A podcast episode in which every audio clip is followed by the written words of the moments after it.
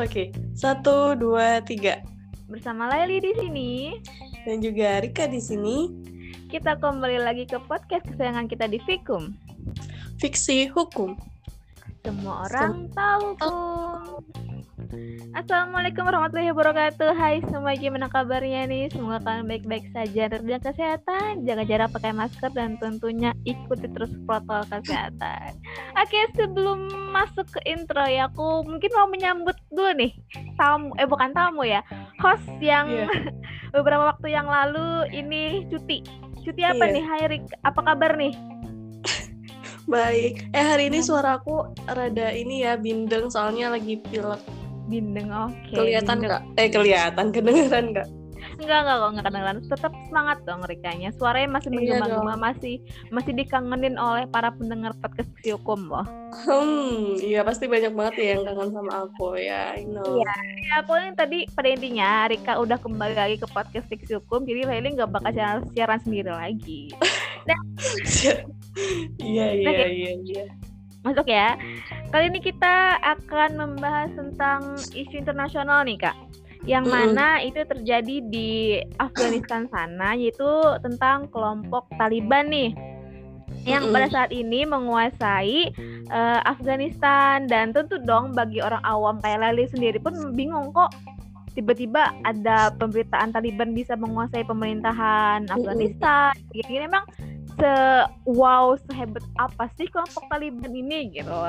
Dan sebelum kita masuk pembahasannya kak seperti biasa nih mari kita dengarkan dulu nih jeda iklan berikut ini.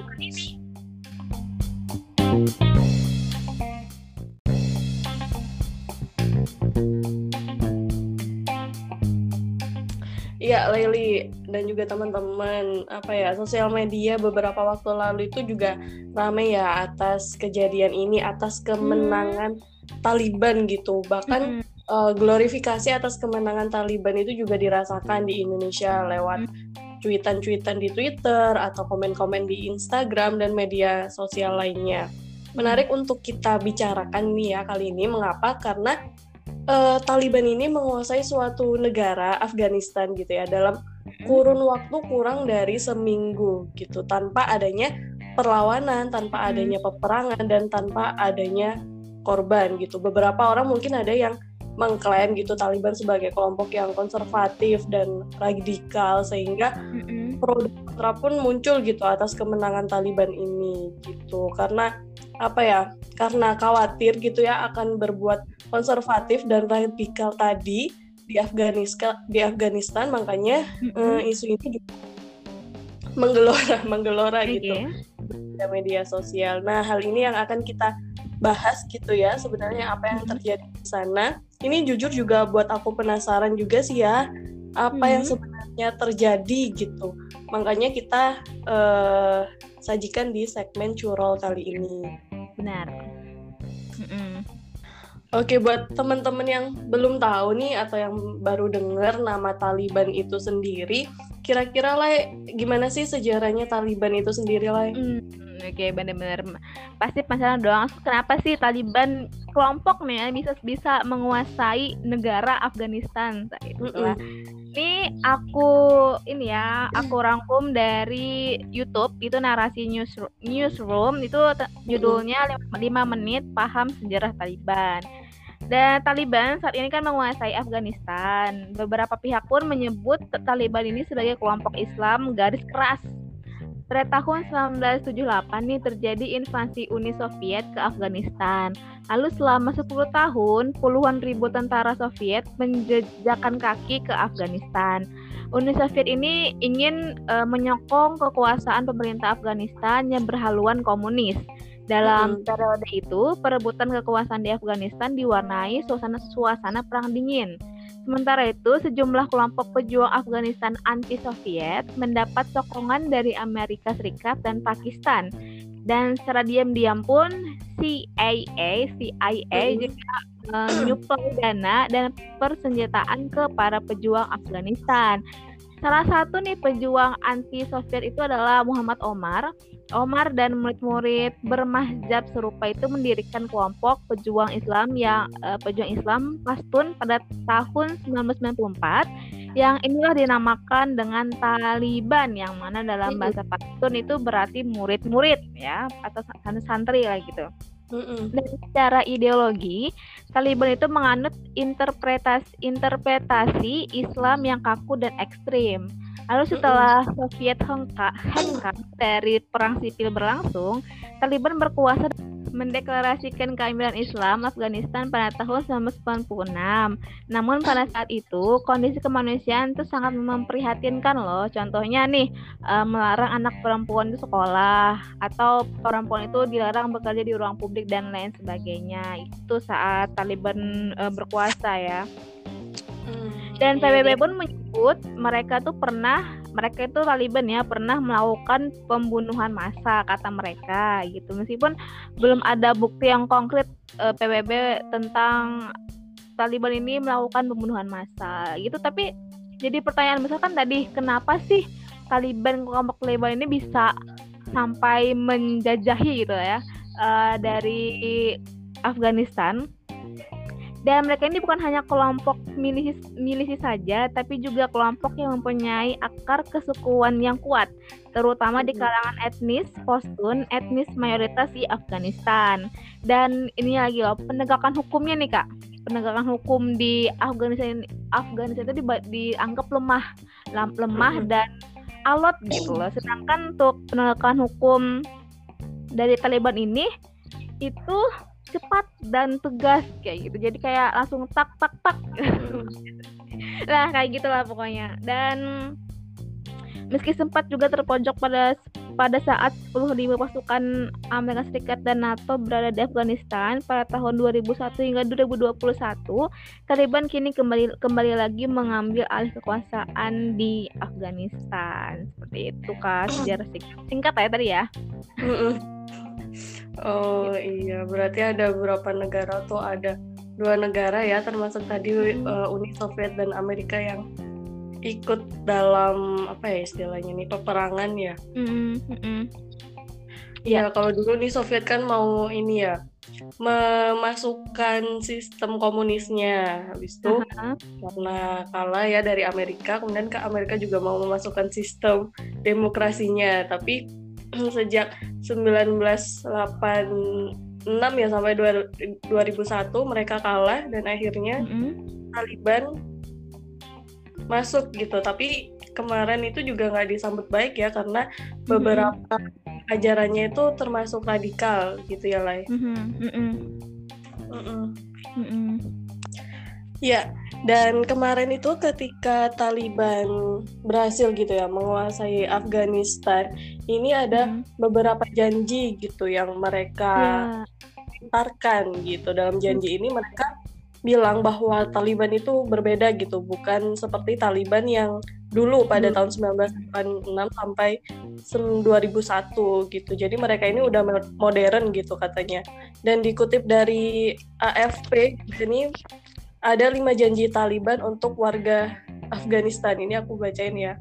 Yang pertama itu satu nih hak perempuan akan dihormati gitu. Kalau dulu perempuan itu uh, dibatasi ya ruang geraknya, bahkan kalau keluar rumah itu harus menggunakan hijab gitu. Jadi menutup semua uh, anggota tubuh mereka. Tapi katanya uh, kali ini perempuan itu bisa menikmati hak-hak hak-haknya sebagai seorang perempuan gitu hmm. tanpa adanya perbedaan tapi menurut hukum Taliban sendiri nah itu seperti hmm. apa kita juga belum tahu gitu ya dan kedua ada ampunan untuk semua yang melawan mereka termasuk pejabat pemerintahan polisi angkatan senjata akan tetapi banyak yang ragu nih dengan janji Taliban yang ini mengingat rekam jejak mereka dalam uh, pengumuman amnesti yang akibatnya puluhan ribu warga Afghanistan berusaha meninggalkan negaranya sejak Taliban menang karena takut akan uh, kejadian yang waktu itu terjadi. Mm -hmm. Kan ada tuh di video di mm -hmm. aku lihatnya di IG ya Instagram itu mm -hmm. ribuan warga Af Afghanistan itu tuh iya. lari ngejar pesawat iya. sampai iya, pesawat iya benar viral banget tuh awal-awal tuh. Nah itu mereka saking takutnya bahwa nanti hmm. uh, jika dipimpin oleh Taliban itu akan terjadi kejadian-kejadian yang lalu gitu, hmm. yang dan segala macam gitu. Bener-bener banget kak. yang ketiga nih keamanan untuk kedaulatan. Jadi organisasi sorry sorry keamanan untuk kedaulatan organisasi asing gitu. Jadi Taliban memastikan keamanan terhadap pemerintah dan organisasi asing termasuk kedutaan besar, kantor dan para pegawainya. Keempat, Afghanistan, tidak dipakai untuk melawan negara lain dan kelima, tidak ada transaksi narkoba. Itu dia lima janji yang uh, di, dijanjikan oleh Taliban. Tapi banyak juga beberapa orang yang apa ya ragu gitu dengan adanya janji yeah. Taliban. Mengingat tadi salah ya, tapi yeah. kita juga belum tahu gimana nanti ke depannya ya, Lai ya gitu tuh dan media-media pun banyak memberitakan istilahnya buruknya gitu ya banyak ini banyak buruknya nih Talibannya nih gitu loh tapi nih aku kutip ya salah satu komentar di YouTube yang aku bacakan tadi nih dia mengatakan kalau harus diingat nih Taliban itu tidak mempunyai media sehingga hmm. mereka tidak bisa menyebarkan secara aktual apa yang sedang terjadi saat ini di sana.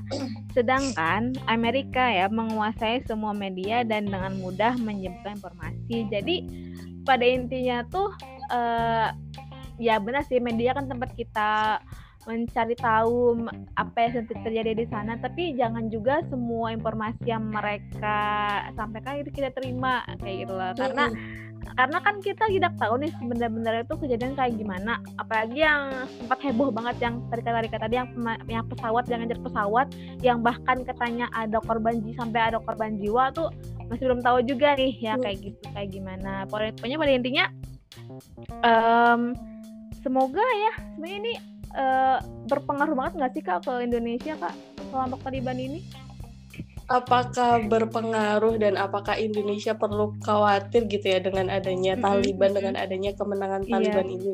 Iya iya. Uh, uh, menurut aku Taliban ini berbeda ya dari organisasi-organisasi lain. Contohnya kan ini banyak disama-samakan dengan ISIS ataupun mm-hmm. uh, organisasi yang radikal lainnya. Nah kalau menurut aku Taliban ini uh, apa ya?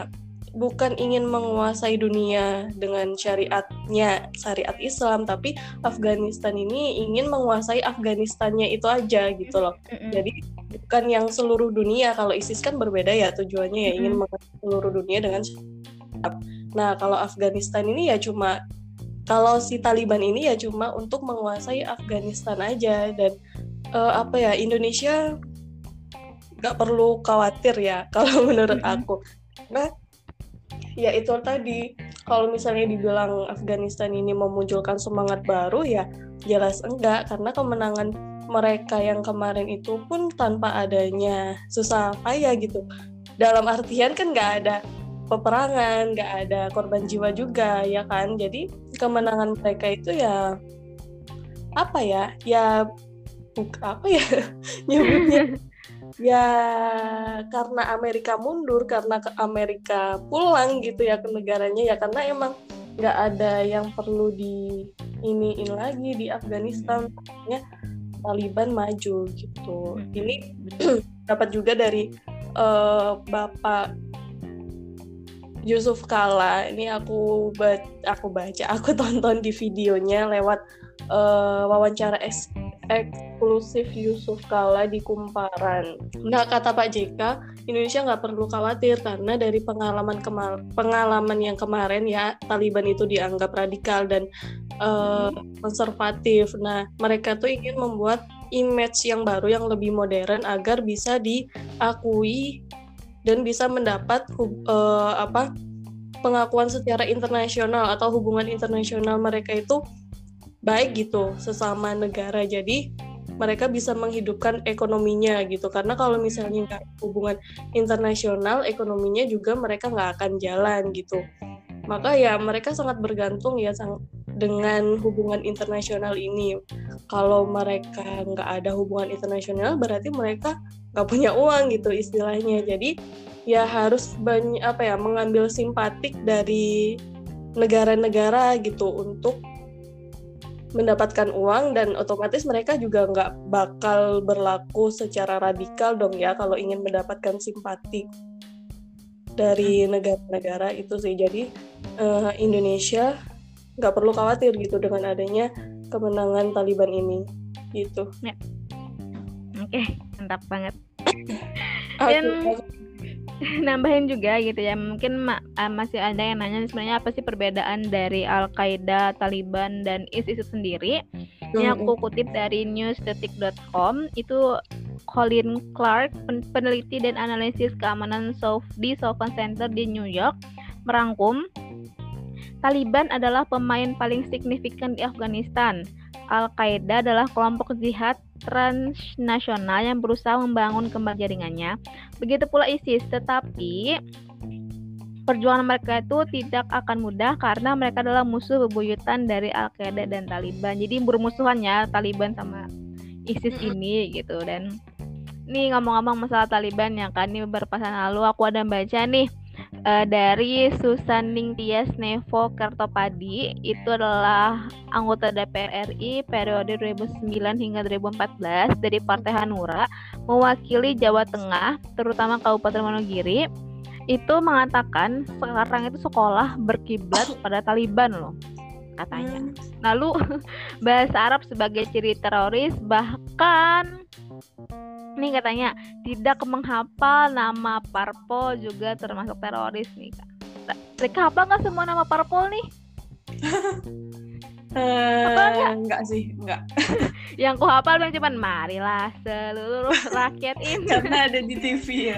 Bener di TV, masya Allah banyak banget tuh. Nah, jadi dia mengatakan ini kemarin ada ada klarifikasi juga sih karena kan agama Islam itu kan agama yang kita sesama ya kan sama umat beragama lainnya gitu atau Islam rahmatil rahmatanil alamin gimana? Ini kan mungkin menyingkut sedikit agama ya kak. Ya bener Islam ya menghormati agama-agama lain lagi. Tapi jangan sampai kita terlalu menghormati agama lain hingga kita sendiri malah menghina-hina agama kita gitu loh.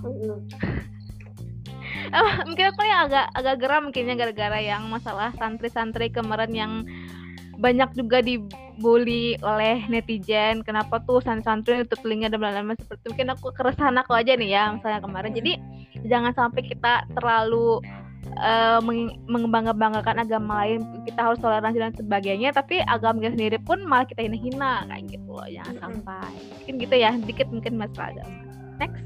Iya. Ada, ada lagi?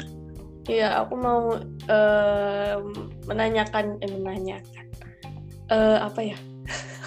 Jangan ditanya lah, Bu. Aku mau tahu pendapat Raili ini tentang Aduh. kejadian yang menarik juga pada saat uh, kemenangan Taliban kemarin, yaitu mm-hmm. Presiden Afghanistan, yaitu Ashraf mm-hmm. Ghani kemarin kan meninggalkan negaranya, mm-hmm. istilah kasarnya cabut gitu ya, tanpa apa-apa cabut, kemudian meninggalkan rakyatnya di Afghanistan. Nah, menurut Raili itu gimana? Mungkin istilah tepatnya kabur ya, Kak ya? Iya, kabur kabur karena kan mu, uh, mungkin takut ya kan? Karena mereka kan langsung menduduki pemerintahan Afghanistan kan ya? Ya kan? Yang yang aku baca itu yang kabur itu presidennya kan? Jadi uh, wakil presiden yang aku baca kemarin ya masih masih saya aja gitu loh.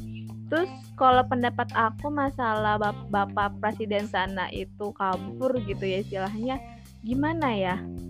Tanpa adanya niat atau perlawanan atau penjelasan kepada rakyat gitu loh. Tiba-tiba kabur sebagai pemimpin negara.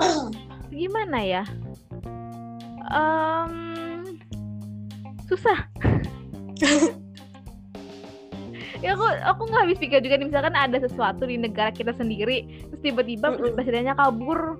Mm -mm. aku kayak merasa sebagai rakyat tuh kayak bengong. Apa nih? Iya iya iya. Apa apa yang terjadi dan kita pun yang mungkin tidak semua kan negara kan luas kan nggak cuma satu hmm. tempat satu wilayah aja jadi kayak misalkan misalkan ada yang nggak paham nih kayak pelangga pelongo kenapa ada apa gitu tiba-tiba pemerintahannya diduduki oleh oleh kelompok asing aja gitu misalkan mungkin aku sebagai rakyatnya paling pelangga pelongo sih kak mm -hmm. tapi mm -hmm. masa presiden kayak gitu sih yeah. aku masih nggak habis pikir sih pas berita itu muncul yeah, yeah. kok bisa presiden itu kabur gitu aja gitu loh. Mungkin jadi pertanyaan aku besar juga sih dan masih belum mencari juga kenapa alasan beliau tiba-tiba kabur gitu. Nah iya kemarin juga aku berpikiran sama ya kayak kayak Laili. Loh kan dia pemimpin tertinggi di negaranya gitu Masa tega meninggalkan rakyatnya gitu Sampai rakyatnya ini bingung gitu harus ngapain kan ya? Tapi setelah itu aku coba cari ya ya mm-hmm. tadi ketemu sama wawancara eksklusif bersama Pak Yusuf Kala di YouTube-nya Kumparan jadi mm-hmm. di sana beliau nih menjelaskan Pak Yusuf Kala maksud aku menjelaskan Presiden Gani ini meninggalkan negara negaranya dan rakyatnya karena dia tidak bisa kontrol tentaranya gitu tentaranya tidak menjaga dia dan rakyatnya tidak melawan dan malah meletakkan senjatanya gitu jadi uh, supaya tidak terjadi perang antara Afghanistan dan Taliban, artinya perang saudara gitu ya. Jadi Presiden Ghani ini meninggalkan negaranya gitu. Mm-hmm. Jadi alasan perginya ya supaya tadi tidak terjadi perang saudara antar keduanya. Gitu kata Pak JK. Aku penasaran mhm. juga ya makanya aku cari kenapa kok bisa seorang presiden itu uh, meninggalkan negaranya. Tapi setelah mendengarkan penjelasan dari Pak uh, Yusuf, Yusuf Kala masuk akal juga kalau benar-benar itu yang terjadi gitu. Tapi kita nggak tahu juga ya yang sebenarnya gimana. Itulah. Dan, iya sih kak. Tapi misalkan bapak presidennya itu tetap di Afghanistan nih, apakah kelompok Taliban itu akan istilahnya akan apa-apai presiden nih? Iya ya, aku juga berpikir gitu. Kan kalau misalnya dia tetap stay gitu di negaranya, apakah um, nanti akan terjadi sesuatu gitu aku juga nggak tahu ya jawabannya. Tapi kalau dipikir gitu ya dengan beliau meninggalkan negaranya kan jadi nggak ada yang berkuasa kan ya di negaranya dan tentara-tentara juga nggak akan melakukan pengape apa ya penyerangan gitu terhadap uh, saudaranya sendiri gitu. Jadi ya dengan beliau meninggalkan negaranya jadi ya udah flat gitu ya aja. udah, gitu. ya udah. kayak nah, dia kabur ya udah diem aja nggak nggak ada yeah. nggak ada perintah dari atasan apa apa yang dilakukan gitu kan. Iya. Iya juga gitu ya. Tapi aku benar-benar berpikir benar-benar bayangkan kan di negara Indonesia yang kayak gitu loh. Jangan. Kayak aku harus ngapain? Gitu. iya yeah, ya mungkin kalau itu terjadi sama aku ya mungkin ya aku akan pasrah. Tapi aku tetap di negara Indonesia kok. Uh, uh, itu benar-benar tetap asal istilahnya tidak mereka tuh kelompok Taliban kelompok itu yang menguasai negara tidak kayak uh, membunuh-bunuhin warganya mm -hmm. gitu atau atau yeah. menjajah menjajah menjajah menjajahi uh, para warganya gitu kan mereka mm -hmm. menguasai pemerintahan tapi udah gitu loh mereka mm -hmm. akan mengubah ini negara kan kayak gini kayak gini kayak gini kayak mm -hmm. gitu, gitu iya kan? benar-benar mm -mm. dan dengan adanya Taliban ini sudah berapa sepek sepekan sebulan ya dengan adanya Taliban tuh katanya masyarakat masyarakat sana itu uh, koruptornya jauh menurun gitu. Dan kan biasanya kalau di perbatasan atau apa itu ada pungutan-pungutan liar atau apa nah itu mm udah nggak ada lagi kata mereka gitu. Jadi mm ada plus minusnya juga. Taliban mm ini menguasai uh, Afghanistan. Ditambah juga kan hukum di Taliban itu kan uh, kental banget ya dengan syariat Islam. Kalau misalnya zina ya di ada hukumnya, mencuri ada hukumnya, bahkan sampai diamputasi kan ya. Nah, itu. Gitu. Bener. Ada ada ininya ya. Ada berita baiknya dan berita buruknya hmm. mungkin gitu. Tapi sebenarnya selama benar-benar kelompok ini ingin membuat Afghanistan lebih baik lagi gitu tadi ya kan sebenarnya nggak masalah gitu kan kayak ya mungkin kalau mau ke Indonesia mau silaturahmi mau gabung ini bantu presidennya mungkin kalau mau ke sini. Mungkin bisa dibantu-bantu iya. lah pemerintahan kita gitu loh. Gimana sih cara korupsi, korupsi? gantung korupsi. gitu ya. Misalkan ya gitu. iya. Iya dan aku berharapnya ya dengan adanya ya. bersatunya Taliban dan Afghanistan ini mereka bisa membuat suatu sistem negaranya yang lebih baik gitu ya, ya yang tidak konservatif atau radikal mm -hmm. sehingga mm -hmm. mereka bisa berjalan berdampingan gitu sehingga bisa menjadi atau membuat membuat negara itu menjadi lebih apa ya lebih aman damai tentram dan jauh dari radikalisme dan konservatif itu itu yang yep. Kita harapkan ya mm-hmm. benar Yap, itulah pembahasan kita tadi tentang kelompok Taliban yang sekarang menguasai Afghanistan. Ali dan Rika nih mohon maaf yang sebesar-besarnya apabila selama kami berpodcast ada salah-salah kata dan perbuatan dan terima kasih juga kepada para pendengar yang udah mendengarkan podcast Fiksi Hukum. Buat kalian yang pengen gabung di podcast Fiksi Hukum di segmen Hotpot, Curhat atau Script, silakan aja hubungi Ali dan Rika. Kami tunggu kabarnya. Yap, dan jangan lupa juga sampaikan kritik dan saran kalian ke Fiksi Hukum. Sampai jumpa di episode-episode selanjutnya. Tetap di Fikum. Fiksi Hukum. Semua, Semua orang, orang hukum. Bye-bye. Di balik podcast. Menurut aku Iya. Pengamat intelijen, inteli, intelijen, intel apa sih? intel, pengamat okay. intelijen, intelijen, apa gimana sih kak? Intelijen. Intelijen. Uh, gimana dong? Sorry ya. Oke. Okay.